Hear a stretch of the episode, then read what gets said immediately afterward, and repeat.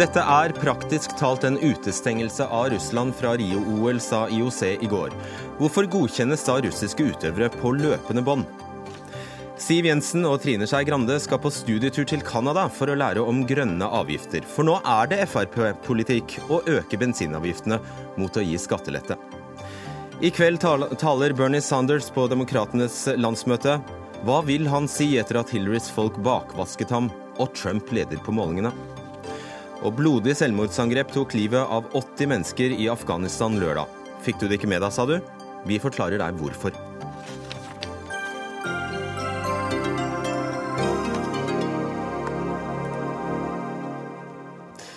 Dette er Dagsnytt 18 en mandag i fellesferien. Jeg heter Fredrik Solvang. Ja, IOC bestemte i går at Russland ikke utestenges fra OL i Rio i sommer, selv om det nylig ble avslørt at landet har hatt et omfattende dopingprogram i statlig regi, bl.a. Det settes derimot strenge krav til russiske utøvere. Utøverne har nå fram til OL-åpningen om ti dager, altså neste fredag, til å bevise at de er dopingfrie, og at de har vært, at de har vært det gjennom hele karrieren. Og Gerhard Heiberg, IOC-medlem. Du sier at uh, du kalte disse unntakene et lite nåløye. Men hvorfor har man ikke bare utestengt Russland fullt og helt? Ja, jeg er jo den oppfatning at vi har utestengt Russland. Men det er ikke bare et spørsmål om å overholde null toleranse. Det er også et spørsmål om å ta hensyn til enkeltindivider. Og det er noe av vår oppgave å beskytte de rene utøvere. Og vi føler da at uh, dette er måten å gjøre det på. At vi lager et veldig strengt regime, slik at det er omtrent umulig å komme gjennom. Men de utøverne som er 100% rene og kan bevise det, de skal få lov å delta. Dette er et spørsmål om å, å prøve å holde et uh, spill i gang, hvorved altså flest mulig kan delta. Og uh, det forutsetter at de er rene, og da føler vi at russerne har en mulighet til å kvalifisere seg, selv om dette nåløyet er meget trangt. Gerhard Herberg, hvis man mener man aldri har tatt doping, hvordan går man fram for å bevise sin uskyld?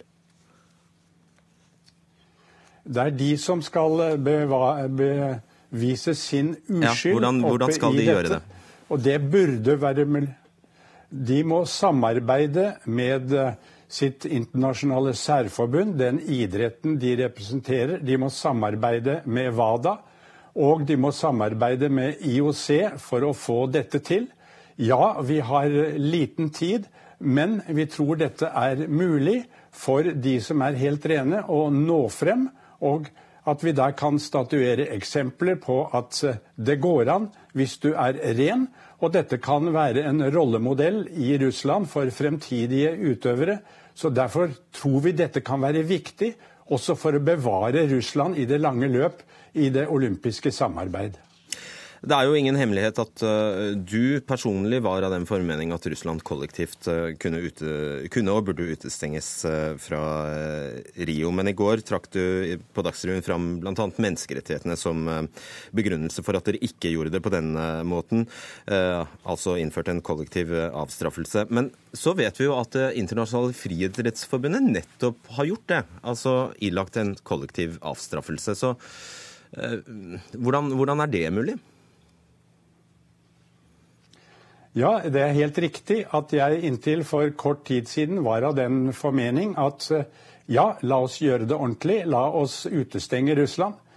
Etter å ha tenkt meg godt om og etter å ha hatt samtaler med kolleger i IOC, er vi kommet frem til at dette bør vi ikke gjøre. Vi er nødt til å tenke litt større og litt mer langsiktig.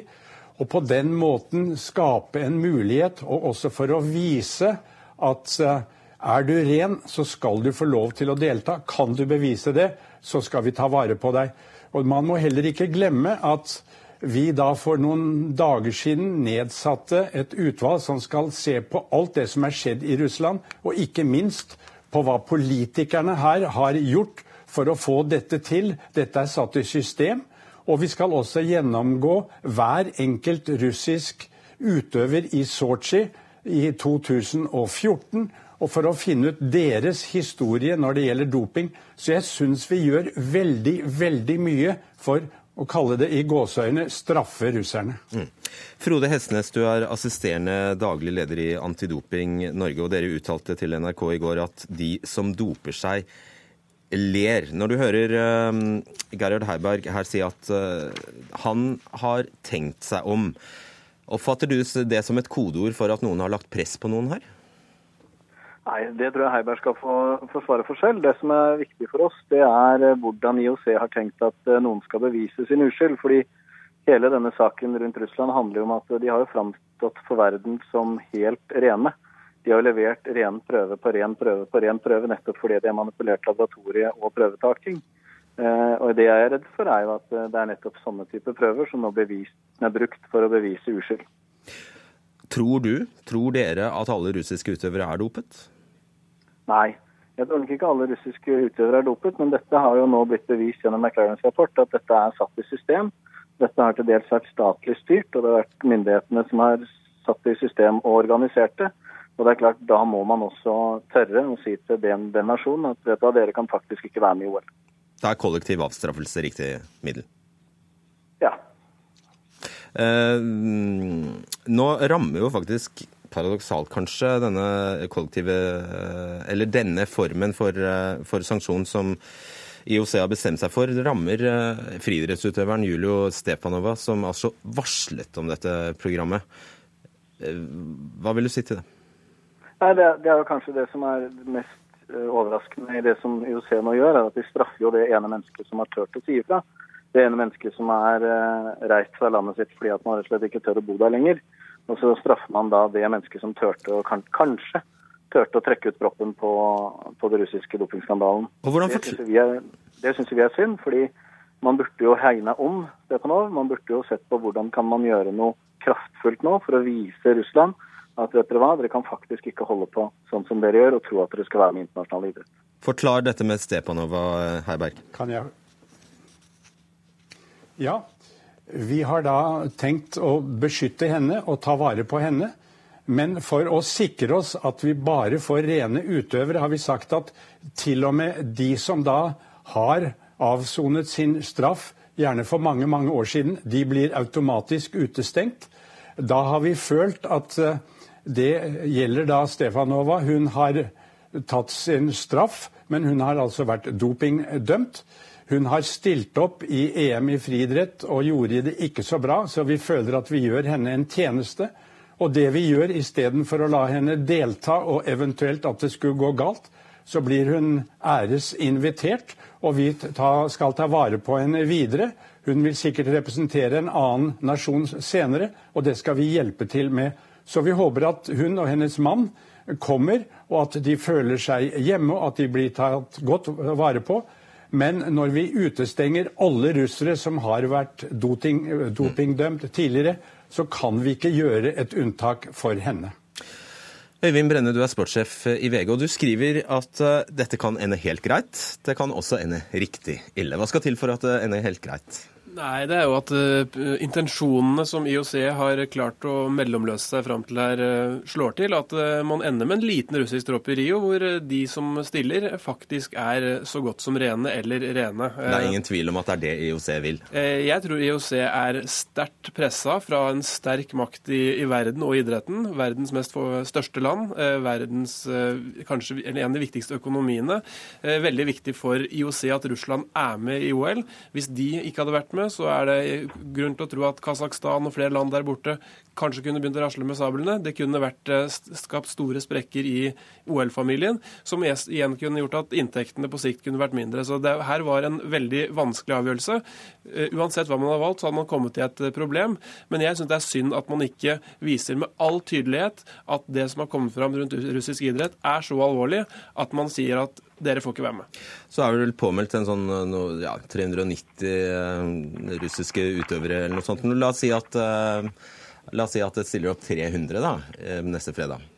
Er det da- riktig ille da, eller er det helt greit? Da er det riktig ille. Eh, Og da har, eh, altså Heiberg sa jo i går, som var et, eh, for så vidt et positivt sitat, at han anså dette som at nå var Russland så godt som ekskludert, men at de få da tilfellene som har vært utafor dette statsstyrte dopinga, ikke er med. Da er det jo da er det greit. Men vi har allerede fått, signaler fra Tennisforbundet, Triatlonforbundet og flere om at her er man positive og åpne. Eh, Og så er det det grunnlaget man snakker om. da. Hvordan kan man egentlig bevise at en utøver i Russland har vært ren når man har hatt denne hånda over seg? Skal man stole på alle tall som kommer derfra? Har de vært eh, tilstrekkelig testa internasjonalt? Eh, Og du har tolv dager på deg, eller elleve dager nå på deg til å få dette klart. Eh, Jeg tror det er umulig å få dette til å bli grundig nok. Vi vet På friidrettsbanen så brukte de seks måneder da, på å få alt eh, i orden.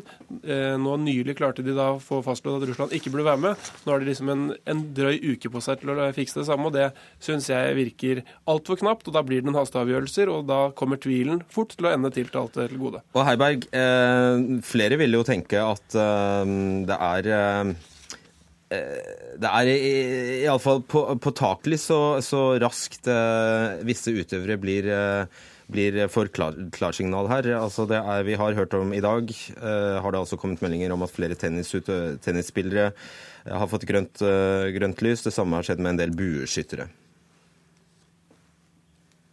Ja, det har jeg også fått med meg. Men da vil jeg si at det er ikke de internasjonale særforbund som avgjør dette. Det er IOC. De innrapporterer til oss. Vi kommer til å gå gjennom hver enkelt. Vi kommer til å bruke folk fra, det internasjonale voldgift, fra den internasjonale voldgiftsdomstolen også for å gå gjennom hvert enkelt tilfelle. Så det er ikke så enkelt som bare å melde fra, uansett om man er bueskytter eller om man er tennis, tennisspiller. Så det er en prosess vi har foran oss. Og eh, vi får vente og se hvordan dette går. Det kan gå galt, som det sies, men jeg håper og tror at det kan gå riktig bra. Bare for veldig- og veldig kjapt Utgangspunktet er fremdeles at vi Ja, unnskyld at jeg avbryter, det er litt forsinkelse også. Ja, men er du gjerne- enig i at eh, hvis tre, la oss si 300 da, marsjerer inn under, eh, bak, den, bak det russiske flagget på eh, fredag, neste fredag, så er det, da, da har det gått riktig galt? Ja, det er jeg faktisk helt enig i. Derfor får vi vente og se. Og eh, jeg håper at dette går bra i alles interesse, og at vi derigjennom inkluderer og ikke bare ekskluderer. Veldig kjapt brennende. Ja, det er, Dere hadde en mulighet da, til å sette punktum. Eh, Når dere ikke gjør det, så gir det i hvert fall muligheten til at det går riktig ille, og det syns jeg er unødvendig.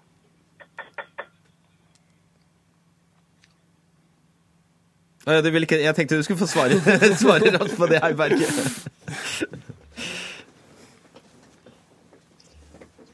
Ja, vi har altså da satset på at eh, russerne er utestengt, og eh, gjør eh, visse små unntak. Jeg håper som sagt at vi kommer i land, og at dette er en suksess. Våre intensjoner er gode og positive, og la oss vente og se, som sagt, til etter OL er over, hvor vi da står. He- He- Hesnes, al al altså, eh, som Heiberg poengterer her, det er jo altså de internasjonale særforbundene eh, som nå melder inn hvilke utøvere de mener har passert dette veldig lille nå nåløyet, men så skal IOC eh, undersøke hver utøver. Hvilke fallgruber ser du her?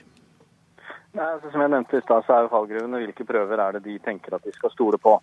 Fordi disse utøverne har jo da en, en historikk som viser til rene prøver. Hadde de hatt en historikk som viste at de hadde eh, prøver som var positive for dopingstoffer, så hadde de jo ikke deltatt i idretten, for hadde de jo tatt det allerede. Problemet vårt er jo at alle disse utøverne som nå søker seg til OL, framstår jo som rene fordi de har levert rene prøver. Og Hvordan IOC da tenker seg å trekke den streken og si at den prøven godtar vi, den prøven godtar vi ikke, det er jo spennende å se hvor de setter linja. Men jeg håper jo at de da tør å være tøffe og sette at de prøvene som har analysert f.eks. på Moskva-laboratoriet, ikke godkjennes. Det kan være andre prøver. Nettopp. Altså Brenne, du, du er inne på det. La oss si at man hadde fått et skred. La oss si at Russland hadde, eh, hadde blitt utestengt, så hadde alle de tidligere sovjetrepublikkene gjort det samme. Altså, kan man, Er det en reell fare for at man eh, er tilbake på 80-tallet, der, eh, der altså, den olympiske bevegelsen var splittet? Vi er jo i en tilspissa situasjon. Veldig mange har veldig lyst til å være med i OL. Både Alle idrettsutøvere i verden syns det er det morsomste som er. Eh, sponsorer elsker det. Folk, Alle vil egentlig det beste her. Det er jo IOC veldig glad for. og Det er jo en av grunnene til at IOC er så stor og sterk som de er i dag. At alle vil være med. Derfor så tror jeg det er ganske langt unna at noen begynner å trekke seg. Men eh, det er jo litt også da fordi at IOC ikke tør å ta en, en tilstrekkelig, kanskje hard hånd mot Russland her. Så slipper man, eh, slipper man det. Men man må passe seg litt i framtida, for den vestlige verden er ikke imponert. Og siste spørsmål til deg, Heiberg. Russlands sportsminister Vitalij Mutko er godt fornøyd med avgjørelsen til IOC og kaller den objektiv, og sier han er takknemlig overfor den avgjørelsen IOC har tatt. Da er det ugler i mosen, sant? Jo, det er jeg enig i, og jeg smilte da jeg så den uttalelsen. Han hadde vel kanskje regnet med at vi kom til å utestenge alle russiske utøvere. Vi har gitt et lite smutthull nå, og det har gjort at han går ut og sier at han er veldig fornøyd, for han håper og tror at han skal få med alle de 390. Den som lever, får se. Takk skal dere ha. Nettopp.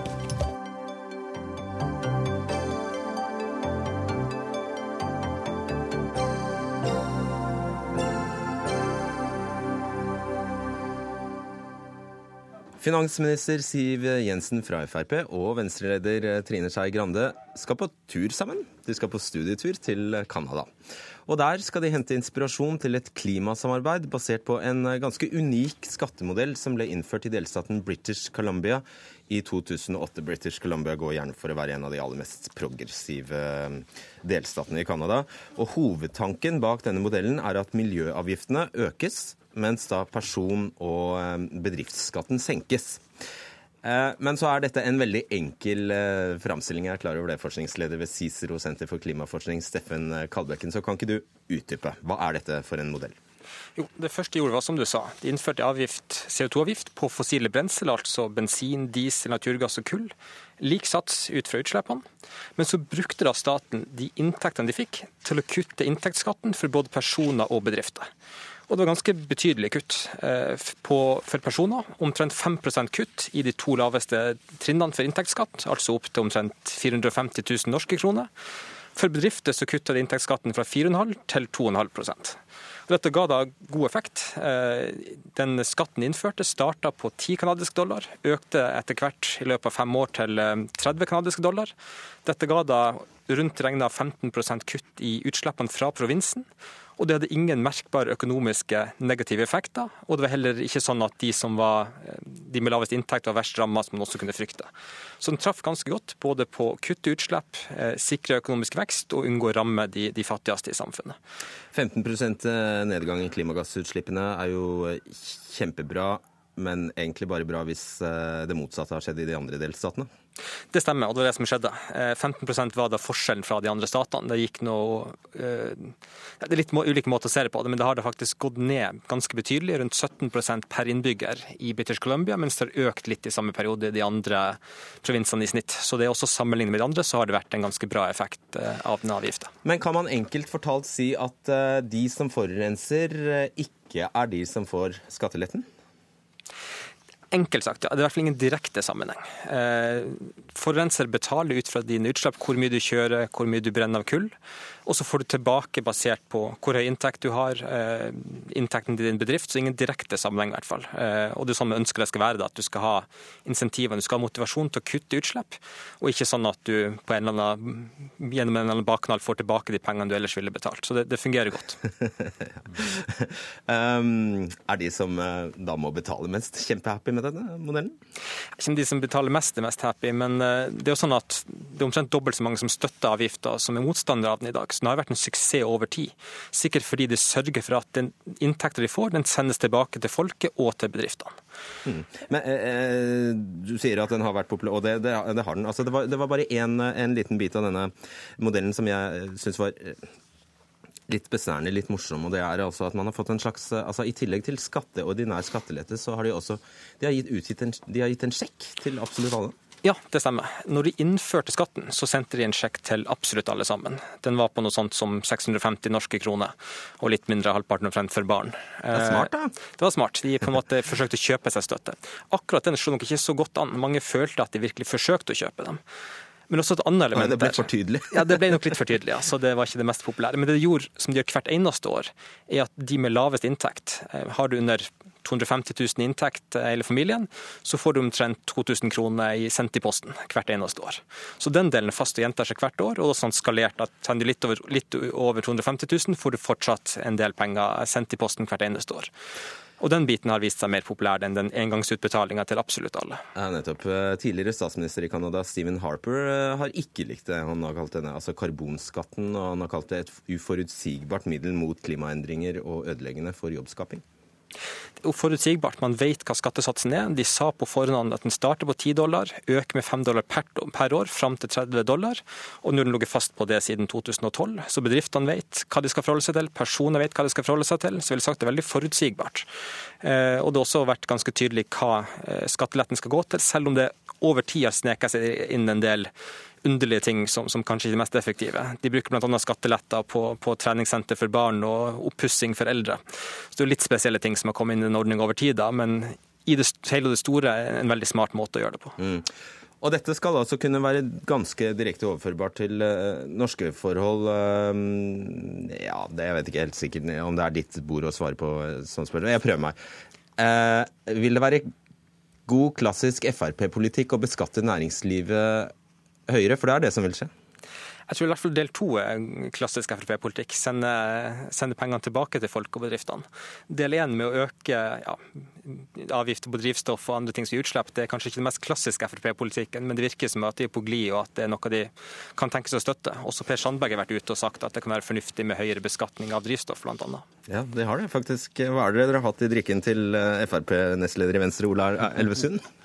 Nei, Nå har jo Trine Skei Grande invitert eh, Siv Jensen til British Columbia. Det er et initiativ fra Venstre fordi vi ønsker å vise Fremskrittspartiet og også andre at med et reelt grønt skatteskifte så innebærer ikke det at eh, du får økte skatter og avgifter. Det, du må ha mer skatter og avgifter på det du vil ha mindre av, nettopp utslippene. Men dette går det an å kompensere for gjennom at du reduserer andre skatter og avgifter. Eh, nå er ikke det noe, for så vidt noe nytt. Vi har jo gjort det i Norge også de siste årene. Vi har, vi har hatt høyere skattelette enn det du har hatt avgiftsøkning betraktninger. Men det er ingen som har gjort dette så systematisk som det British Columbia har gjort, og hvor de også har ved lovs form eh, vedtatt at du skal ha en eh, skattelette tilsvarende det som er de grønne avgiftene. Og det virker. Og det liberale i British Columbia, som jo innførte dette i 2008, har i hvert fall vunnet valg siden, selv om det der har vært både konservative og på venstresiden hvor man har gått imot systemet. Eh, greit. Eh, stortingsrepresentant og talsperson for Miljøpartiet De Grønne, Rasmus eh, Hansson. Du er for så vidt glad for at Venstre og Frp ser ut til å enes om å øke klimaavgiftene, men er ikke overvettes begeistret for akkurat denne modellen. Hvorfor ikke? Nei, Først og fremst så, vil jeg rose Frp og Venstre for å ha tatt opp eh, det forslaget som Miljøpartiet De Grønne eh, allerede har lagt fram i Stortinget, som skal behandles til høsten. Nemlig eh, å innføre en form for eh, miljøavgift primært på klimagassutslipp som tilbakebetales til folket. Fullt og helt? Eh, fordi det er ja, fordi det å tilbakebetale penga er en måte å stimulere til klimainnsats på som vi ikke har forsøkt uh, her i Norge før. Og her har vi massevis av uh, miljøavgifter i forskjellige uh, kategorier, men de har ikke så stor effekt. Så poenget er ta inn en avgift og gi den tilbake like mye til alle, som det har beskrevet. Eh, det betyr at de som Men kom til forskjellene. Ikke, eh, ja, de som ikke forurenser, de får eh, penger i lomma og får en belønning. Og de som forurenser, må betale og får ikke så mye netto. Det Miljøpartiet De Grønne har foreslått, er at alle de pengene som samles inn ved en avgift på f.eks. bensin og diesel, de betales tilbake til skattyterne like mye til alle over skatteseddelen f.eks. Eh, om våren. De går ikke til skattelette, og grunnen til at vi er imot å bruke dem til skattelette, er to ting. Det ene er at det er ikke primært skattelette som er eh, hovedvirkemiddelet og hovedmålet i en tid hvor vi skal gjennomføre et grønt eh, skifte. Og det andre er at dette er jo en inntekt til staten som kommer til å forsvinne. Og Hele vitsen med det er at du skal endre atferd, slik at det som folk må betale avgift for, det uh, gjør de mindre og mindre av. Og da forsvinner uh, det inntektsgrunnlaget til staten, og det skal det gjøre. Og da får du en jojo-politikk på skattesida hvis du bruker det til å finansiere skattelette. Men hvis du sier til folk at dette er penger du får tilbake så lenge uh, avgiften betales, så vet folk hva de har å forholde seg til, og vi tror det er mer effektivt. For det første, MDGs forslag ingenting med dette initiativet å gjøre. Dette initiativet handler om at vi trenger å Ingen øke som trodde det heller. klima, avgiftene på klima betydelig. Vi skal altså ned med 40% på utslippene innen 2030. Nå må vi sette i gang med en avgiftsomlegging og et grønt skatteskifte som virkelig monner. Og Dessuten er jeg også uenig i forslaget fra De Grønne, hvor jo dette bare er Men det høres jo så likt ut. kontantutbetalinger. Nei, fordi du trenger å gjøre. Du skal også ha en verdiskapning og næringsutvikling. Derfor så er det helt riktig eh, å ha nettopp skatteletter både på personer, fordi du skal gjøre det, du skal bygge opp under det å jobbe, og du skal også ha skatteletter på bedrifter, Okay, fordi du trenger en næringsutvikling. At, ja, ikke sant? Ja. Noe av, eh, I deres modell så går noe av pengene til eh, skattelettene til næringslivet. Ja, Og og du skal drive politikk du skal drive politikk, litt, ja, men du skal drive politikk også på lettelsene. For det er jo ikke bare det at du skal ha ned utslippene, du skal også tilrettelegge for det du ønsker mer av. Dette gjør vi også i Norge. Det er akkurat i, i år, når det kommer nå til oktober, så annet så blir eh, månedskortet på jernbane blir 20% billigere. Det er også et ledd i den samme tenkningen fra venstre side. At når du øker på f.eks. flyseteavgiften som du gjør i år, så har du også en lettelse en annen ende med det du ønsker mer av. Så de som kjører ofte med tog, de vil kunne få den allerede fra oktober. Partisekretær i SV Kari Elisabeth Kaski, også dere er skeptiske til eh, denne ordningen, til tross for at den da faktisk innebærer det dere gnår, unnskyld uttrykket, gnåler mye om, økte klimaavgifter. Hva er galt med denne tilnærmingen? Ja, det, først og fremst er det jo viktig med økte klimaavgifter, så det er ikke gnål, det er veldig nødvendig. Men jeg eh, syns at eh, folk gleder seg over kanskje litt lite her. Eh, jeg er jo på jakt etter gode klimanyheter hele tida, eh, men leste den saken med Trine Skei Grande og Siv Jensen og tenkte at her var det egentlig ganske lite nytt. Eh, hvis du går tilbake til regjeringsplattformen, så står det at det skal gjennomføres et grønt skatteskifte. Noe vi også har venta på i tre år. Ja, vi får en studietur. Eh, og det er jo fint, men jeg er oppriktig bekymra over at vi har nå sett eh, at det ikke har skjedd noe betydelig grønt skatteskifte. Trine Skei Grande sier sjøl i VG at det ikke har vært godt nok så langt. Og sånn som jeg leser den saken, og også det som blir sagt her, så er det ingen enighet enda om det nivået som de avgiftene faktisk skal til. Og vi må være så ærlige å si at vi har CO2-avgift og gode klima- og miljøavgifter i Norge som allerede er på plass, men det er nivået som er for lavt. Og det har ikke vært en ordentlig omdreining av de avgiftene etter at denne regjeringa tok over. Og det betyr at vi ikke er eh, på riktig vei for å nå klimamålene i 2020. Det er greit, men la meg bare klargjøre det. Altså, SV kan vel umulig være imot en eh, ordning som, som vil fungere utjamnende, og som vil fungere, som, eh, der, der, vil fungere slik at en, en miljøavgift går også til omfordeling. Men jeg er usikker på også om den ordninga som de tar til orde for, faktisk vil eh, fungere utjevnende eller ha en god fordelingseffekt.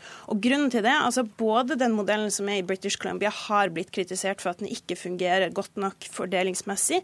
Og jeg tror at det vi er på jakt etter her, er en kombinasjon av gode grønne skatter og avgifter med en rød skatteavgiftspolitikk.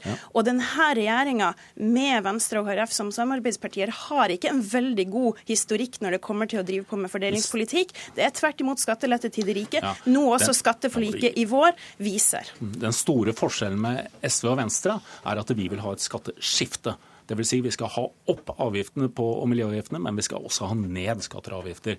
SV går inn for å øke avgiftene generelt. Eh, både miljøavgiftene og de vil øke de andre avgiftene. De vil i hvert fall ikke ha skattelette. Det viser de på sine alternative budsjetter, og det viser de i praktisk politikk. Og så er det riktig at vi har ikke gjort nok når det gjelder å øke avgiftene. Vi har gjort mye de siste årene på å ta ned avgifter på alternativene. Vi har videreført det som går på elbil, nullutslippskjøretøy. Vi har gjort det som går på biodrivstoff, det som går på biogass. Der som er gjort mye. Men nå, og vi har kommet fram til en enighet med EU som binder Norge, ikke bare da med løse mål om å klare 40 men vi skal ned Men tilbake til dette kanadiske- Da må vi opp betydelig ja, mer. Og da har vi dette Men bare tilbake til det spennende kanadiske forsøket, eh, Ola Elvestuen. Der har de bl.a. gitt en rabatt til fattige familier, slik at de ikke i like stor grad som rikere familier blir rammet av avgiftene. Er det f.eks. aktuell politikk for en, eh, et Frp-Venstre-samarbeid? Når, skatte, når du skal ha skattelette på, på personbeskatningen, så er det viktig for Venstre at du tar det på bunnfradraget. Sånn at det er de som har eh, de laveste inntektene som får den største fordelen. Så innretningen på avgiftslettene er selvfølgelig viktig nettopp for å ta sosiale hensyn. Eh, Og du vil også kunne garantere at en familie som bor i distriktene, som må bruke bil, ikke skal rammes urimelig hardt av økte bensinavgifter? Jo, du vil ha økte avgifter. Det vi må sørge for når du bor i distriktene, som vi også jo har eh, vedtak og initiativ på, er at du får ut et ordentlig distribusjonsnett over hele landet for alternativene til fossile drivstoff. Så en familie i distriktene skal betale for nei, at eh, noen som bor i Oslo skal få en premie? Nei, det er det du vil? Nei, uansett hvor du bor i landet, så har du muligheten til å regulere forbruket ditt. Det vi må sørge for, er at det skal være mulighet både med at du har biodrivstoff, at du har lademuligheter etc og de som bor i Oslo, de skal også betale mer i bomringen. Men det som er viktig når de gjør dette, er, som jo SV også kunne ha gjort, som Venstre gjorde i Oslo i sin tid, er at når de økte bomringen, så satte du ned prisene på kollektivtrafikken. Nå gjør det ikke ned. Nå øker de bomringen, og til vinteren ja, så øker det også, øker det også kollektivprisene. Det er, det er feil. Ja, det er sant. Eh, Rasmus Hansson, hvordan, samme spørsmål til deg, egentlig. Altså, dette Din modell vil jo gå enda verre utover distriktene. Altså De som er helt avhengig av å fly, avhengig av å bruke bilen. Eh, det er jo noe som vi selvfølgelig kommer til å se på, og som vi forutsetter at blir utredet. At dette ikke får helt urimelige utslag. Du trenger ikke å utrede det? Så, så for det, at Du må utrede det for å finne, finne hvor du setter inn uh, virkemidlene for at de treffer aller best. Men det som er hovedpoenget her, det er at vi står overfor en kjempejobb med å kutte ned uh, klimagassutslippene, særlig i transportsektoren i Norge. Og vi må bruke virkemidler som vi ikke har brukt før. Og da holder det ikke med uh, bare skattelette og skatteomfordeling. Vi er faktisk nødt til å dra til på avgiftssida på en måte hvor vi ikke skal innbille noen at det blir gratis for noen i den uh, overgangsperioden. Og Derfor er det interessant med det forslaget Miljøpartiet De Grønne har lagt fram, som definitivt er uh, grunnmodellen som de bruker i eh, Canada, og som, eh, som Venstre og Frp ser på. Det syns vi er kjempefint. Eh, poenget med det er altså å gi folk direkte stimulus til å endre atferd, for det må vi få til. Og vi får ikke det ah, til bare ved generell uh, skattelettepolitikk. Ja. Vi må prøve nye virkemidler som går rett på folks uh, atferd. Og derfor er dette et spennende forslag som vi bør gå Eh, skikkelig inn i på Stortinget. og Det håper jeg at Venstre og SV og Frp i energi- og miljøkomiteen og finanskomiteen ja. vil se ærlig på. Og selv SV kan vel ikke mene at dette, dette er verre enn ingenting? Nei, men vi, vi, har et skatte- og avgiftssystem i Norge der du har mye av de her mekanismene på plass i dag. Problemet, og det er jo det som er den fundamentale uenigheten mellom Venstre og Frp, er jo fortsatt nivået og vilja til å øke det. Så jeg blir, altså jeg blir litt i stuss av det jeg hører her. For Man tar hele tida til orde for sånne stadig nye prinsipper og virkemidler som trengs i klimapolitikken. Vi vet altså hva det er som skal gjøres. Det er å fortsette den gode avgiftspolitikken f.eks. på, på transportsida. Og nå står jo utslippsnivået for nye biler i Norge helt stille etter en kraftig nedgang over mange år. Så jeg er bekymra over den utviklinga. Men forskjellen både på MDG og SV er at for dere er dette nå en teoretisk diskusjon. Venstre sitter i en budsjettprosess, og vi skal lage også og forhandle om budsjett, budsjett, også for neste år. Og Da er det helt grunnleggende, og det er viktig at vi, vi har denne Vi vet hva som pleier å skje i deres budsjettprosesser. Da kommer det inn en eller annen poseavgift eller en fly, flysettavgift. Det er det som skjer i deres prosesser. Her sånn er det nettopp et initiativ fra Trine Skei Grande at vi går sammen med også eh, Fremskrittspartiet, at vi ser på er det mulig her å komme fram til etter hvor vi både øker avgiftene, vi får ned utslippene, men uten at det innebærer en skatte- og avgiftsøkning. Og Da vi, det, må det være mulig for disse partiene å komme fram til felles interesse og få gode løsninger som gjør at vi oppnår den målsettingen. Ok, Vi ønsker dem god tur, i hvert fall. Takk skal dere ha. Steffen Kalbekken, eh, Rasmus Hansson, Kari Elisabeth Kaski og Ola Elvestuen.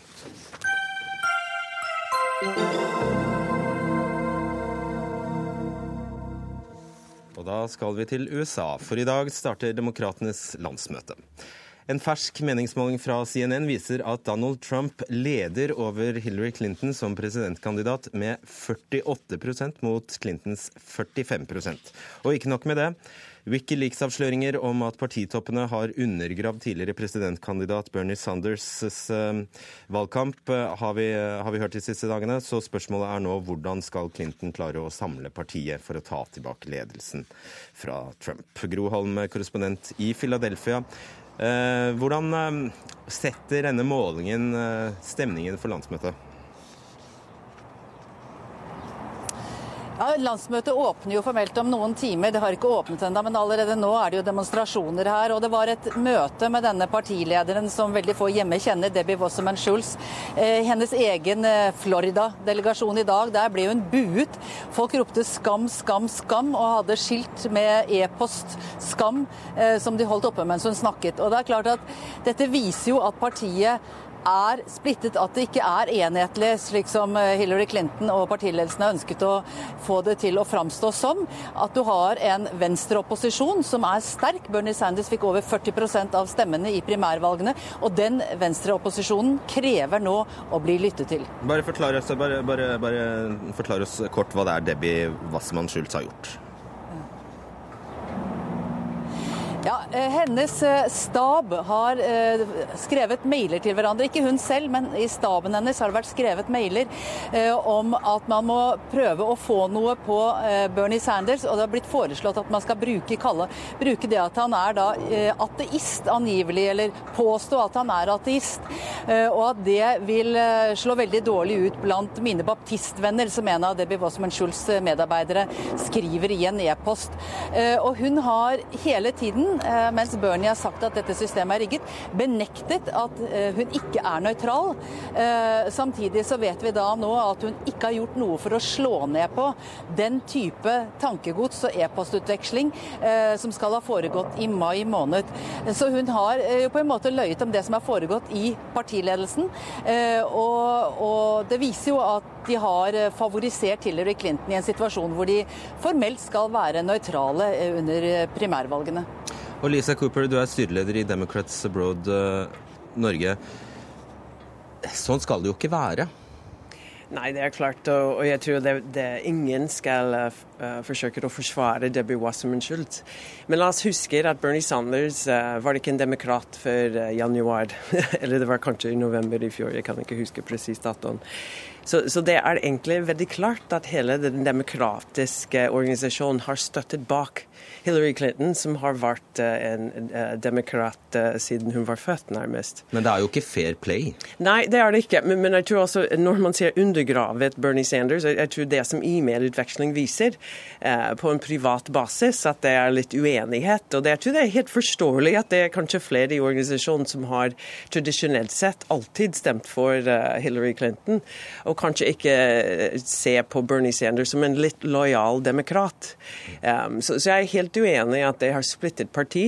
Jeg, jeg, jeg, tror dette var nødt til å komme opp, særlig foran eh, vårt landsmøte. Bernie har gjort en fenomenelt eh, jobb å få frem nye velgere, nye stemmer. Eh, og, og det at han skal prøve å forenes inn i den demokratiske kjernen, må til eh, landsmøtet. Og det må liksom ha en liten oppgjør. Og dette, dette er Debbie Wasserman går av, er en stor seier for Bernie Sanders. Det er pri nummer én for han. Det er nesten hans betingelse for at han skulle rolig gå ut. Og eh, Holm, hva sier de der? Er det, Vil det at hun, eh, hun uh, har trukket seg eller går av etter landsmøtet være tilstrekkelig for å, for å dempe, dempe Sanders-tilhengerne under selve landsmøtet?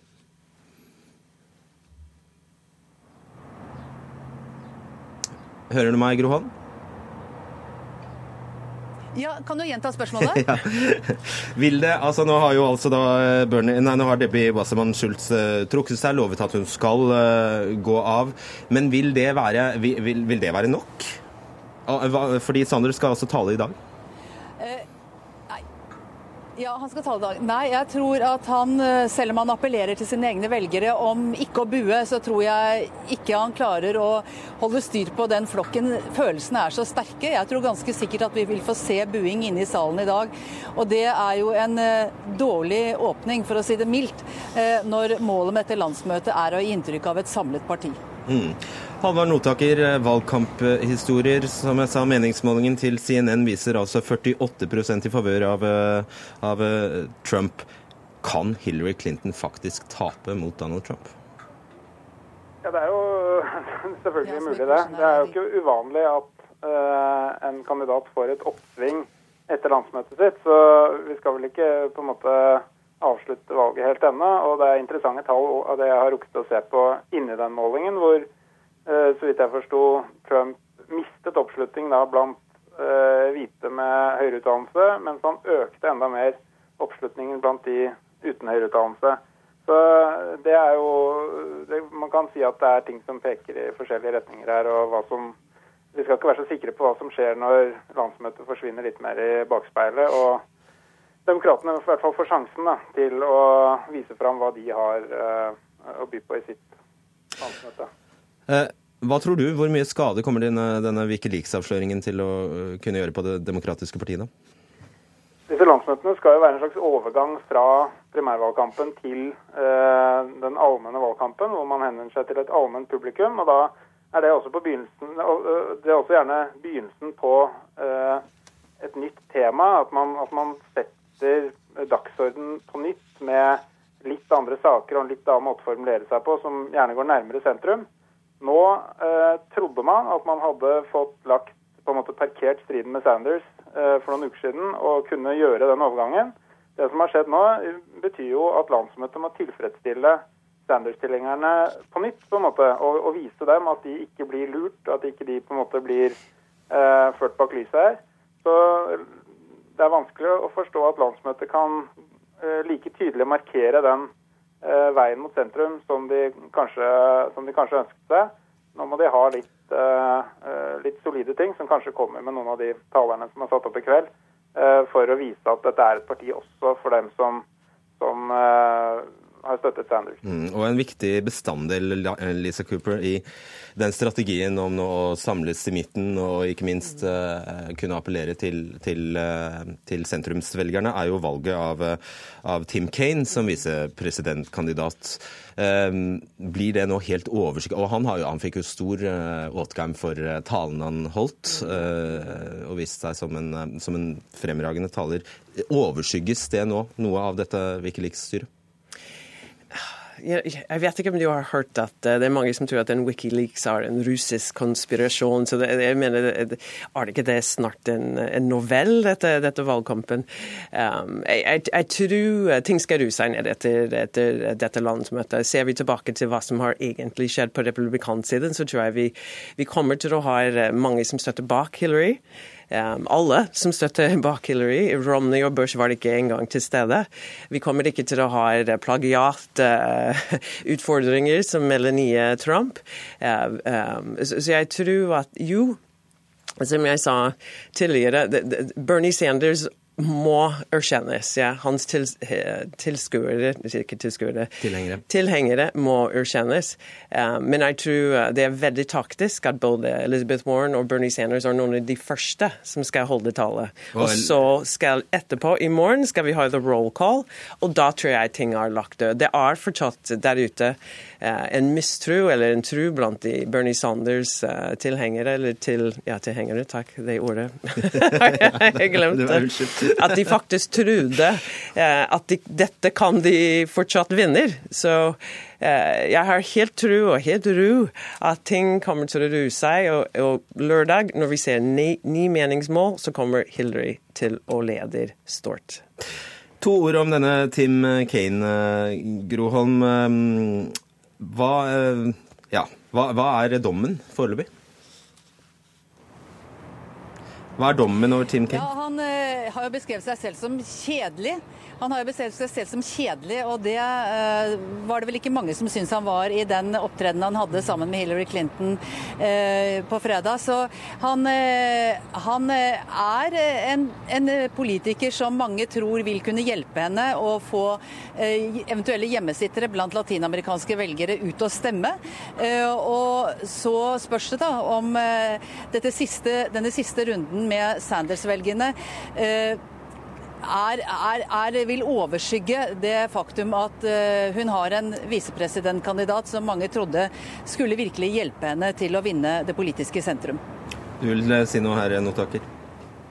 Altså, jeg tenkte på dette med å komme seg inn mot sentrum, så er det jo gjerne sånn at det vil man alltid. Men det som er spesielt i år, er at det republikanske partiet og Trump ikke brukte den muligheten. De, har, de kjørte jo på sitt budskap fra eh, primærvalgkampen med frykt og, og en sånn høyrepopulistisk eh, innretning. Så Trump har etterlatt seg et stort rom i sentrum som demokratene, og med Tim Kaine som en viktig bestanddel, kan erobre som et slags sånt eh, voksenpartiet, hvor man eh, tar det litt rolig og ansvarlig og har en slags optimistisk fortelling som mange kan kjenne seg igjen i. Eh, vanligvis må man konkurrere mye hardere for å få den rollen. og Demokratene har på en måte åpent mål, og derfor er det som har skjedd nå med denne spliden, eh, antageligvis enda mer frustrerende. Og, og eh, Gro Holm, til det Notaker eh, fortalte om denne målingen, det man kunne se i bakgrunnstallene fra denne CNN-målingen. Eh, hvor faretruende er det at demokratene nå ser ut til kanskje å miste veldig viktige stater, f.eks. i rustbeltet? Det bekymrer dem selvsagt veldig. Altså, det er slik at hvis, hvis de mister Pennsylvania og Ohio f.eks., så må de jo da ta igjen i andre stater. Da må de i hvert fall vinne Florida.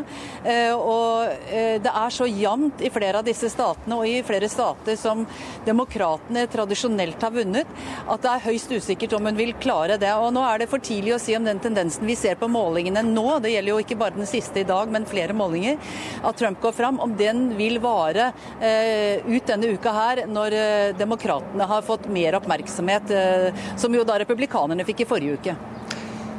Men, men, jeg skal også bare minne alle på at uh, Mr. Kane er fra Virginia. Og det tror jeg vil uh, i hvert fall sikre at Virginia er vårt. Og hvis man husker tilbake hvor de holdt egentlig hans berømte tale, det var i Florida.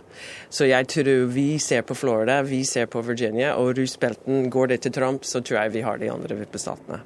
Ok, vi får se. Takk skal dere ha, Lisa Cooper, Halvard Notaker og Gro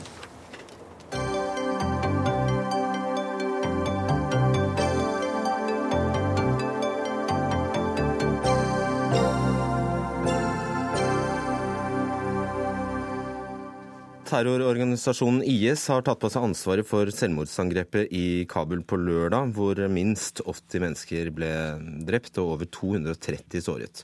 Taliban har fordømt angrepet, som var rettet mot hazara-minoriteten, som for det meste er sjiamuslimer.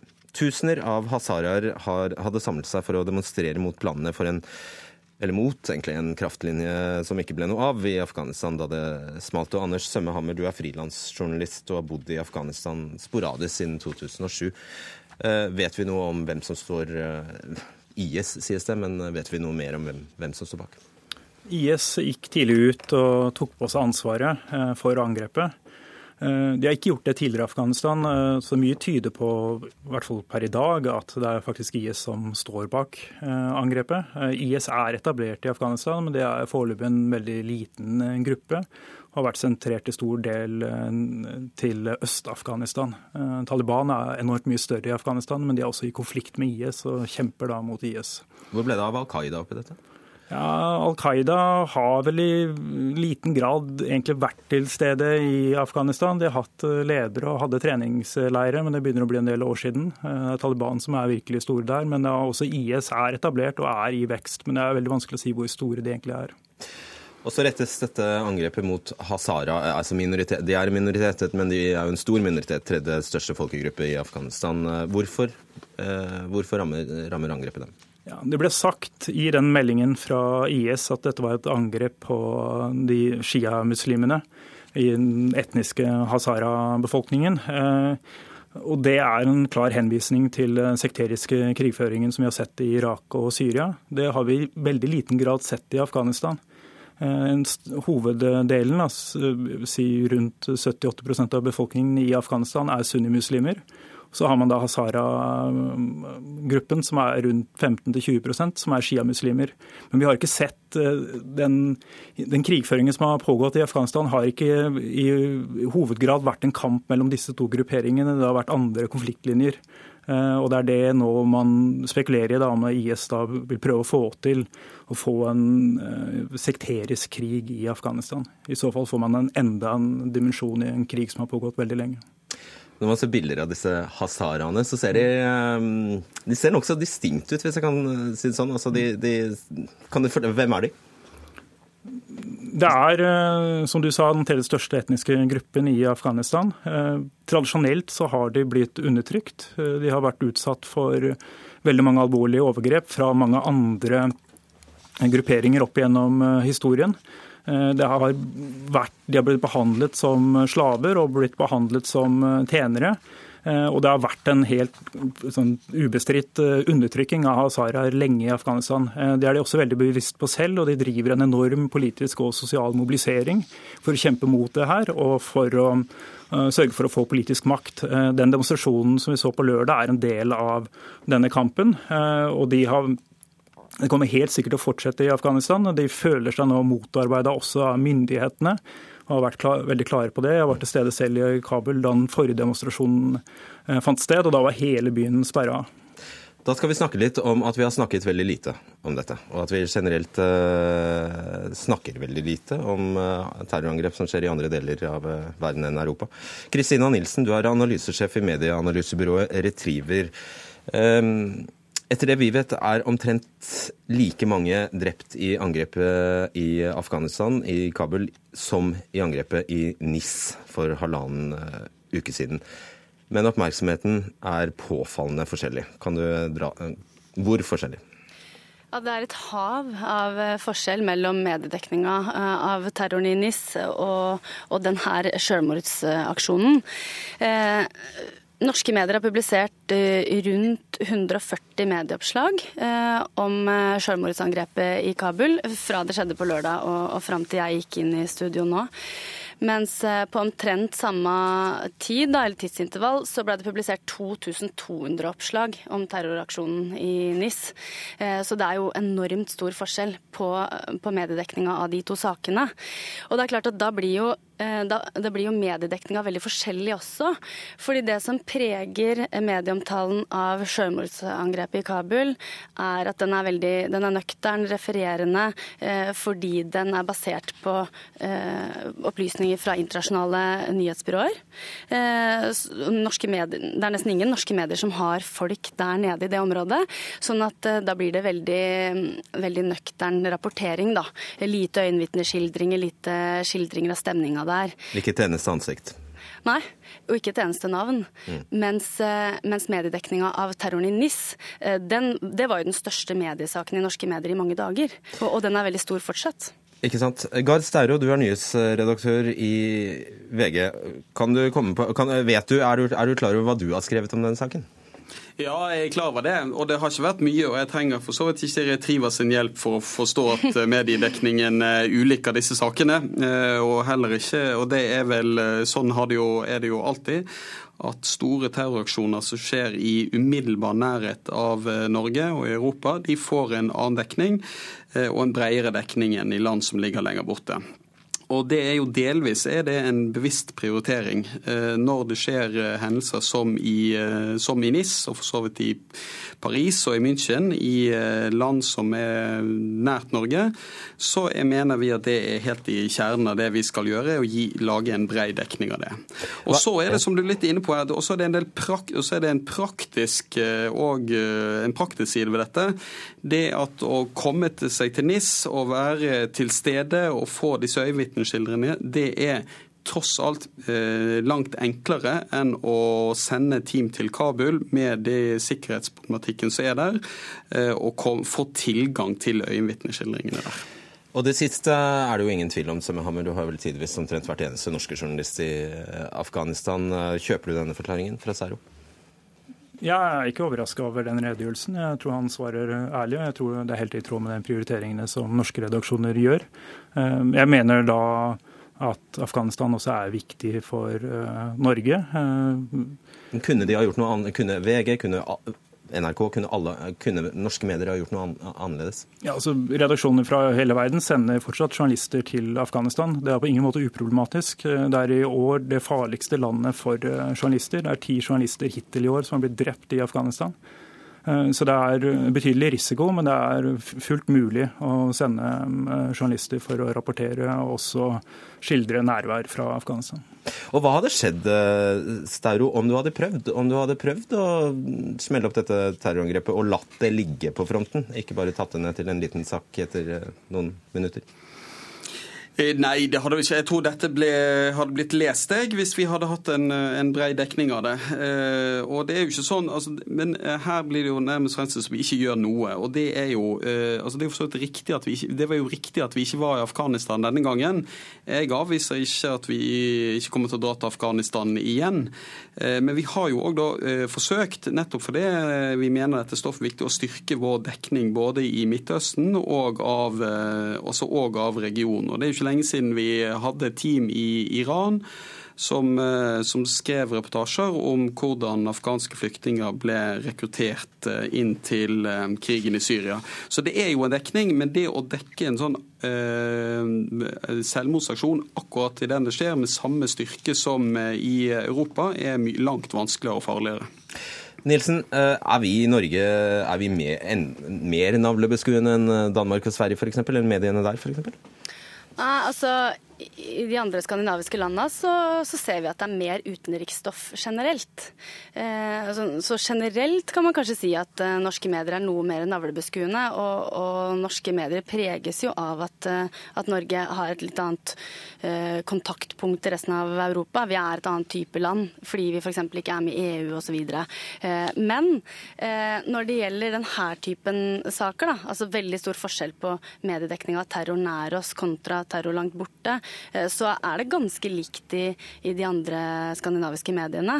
Men det som er litt interessant, er at den debatten her, altså det vi sitter og diskuterer nå, den debatten er kanskje kommet litt lenger i Sverige f.eks. Nå er det mer mediedebatt generelt i Sverige, men også denne typen debatt har foregått litt lenger, så man har kanskje kommet litt over på hva slags type tiltak kan eh, mediene gjøre, da, gitt den situasjonen man er i, som Steiro beskriver, at det er vanskelig å sende ned egne medarbeidere fordi man har et arbeidsgiveransvar overfor folk i et farlig område osv. Men mm. hva kan man da gjøre? Fordi det er jo en interessant diskusjon. Eh, og der ser vi at eh, svenske medier har kommet litt lenger, både i diskusjonen rundt hva slags vinklinger velger utenrikskorrespondentene, hva slags journalistiske grep tar dem når de først er der og dekker det. Eh, og det er kanskje vel så interessant da, som å diskutere det her på et litt sånn større metanivå. Ikke sant, jo Den saken jeg fant som dere har uh, skrevet om dette, var en helside med, med, store bilder, men bare 860 tegn. Det er nesten ingenting. Det er 149 uh, eh, ord. Tror du, altså, Si at du hadde kommet tett, at dere hadde kommet tett på en av uh, familiene som ja, var rammet her. Det hadde, jo, det hadde jo vært interessant for oss, det? Ja, ja, åpenbart. Eh, og så syns jo jeg at denne debatten eh, Nå diskuterer vi Afghanistan, og vi hadde vel en lignende debatt eh, i fjor i november, og da var det Paris som ble sammenlignet med dekningen av Beirut. Og jeg mener òg å ha vært i en debatt om dekningen av Jemen, der vel 6000 mennesker har blitt drept det siste året i konflikten mm. der.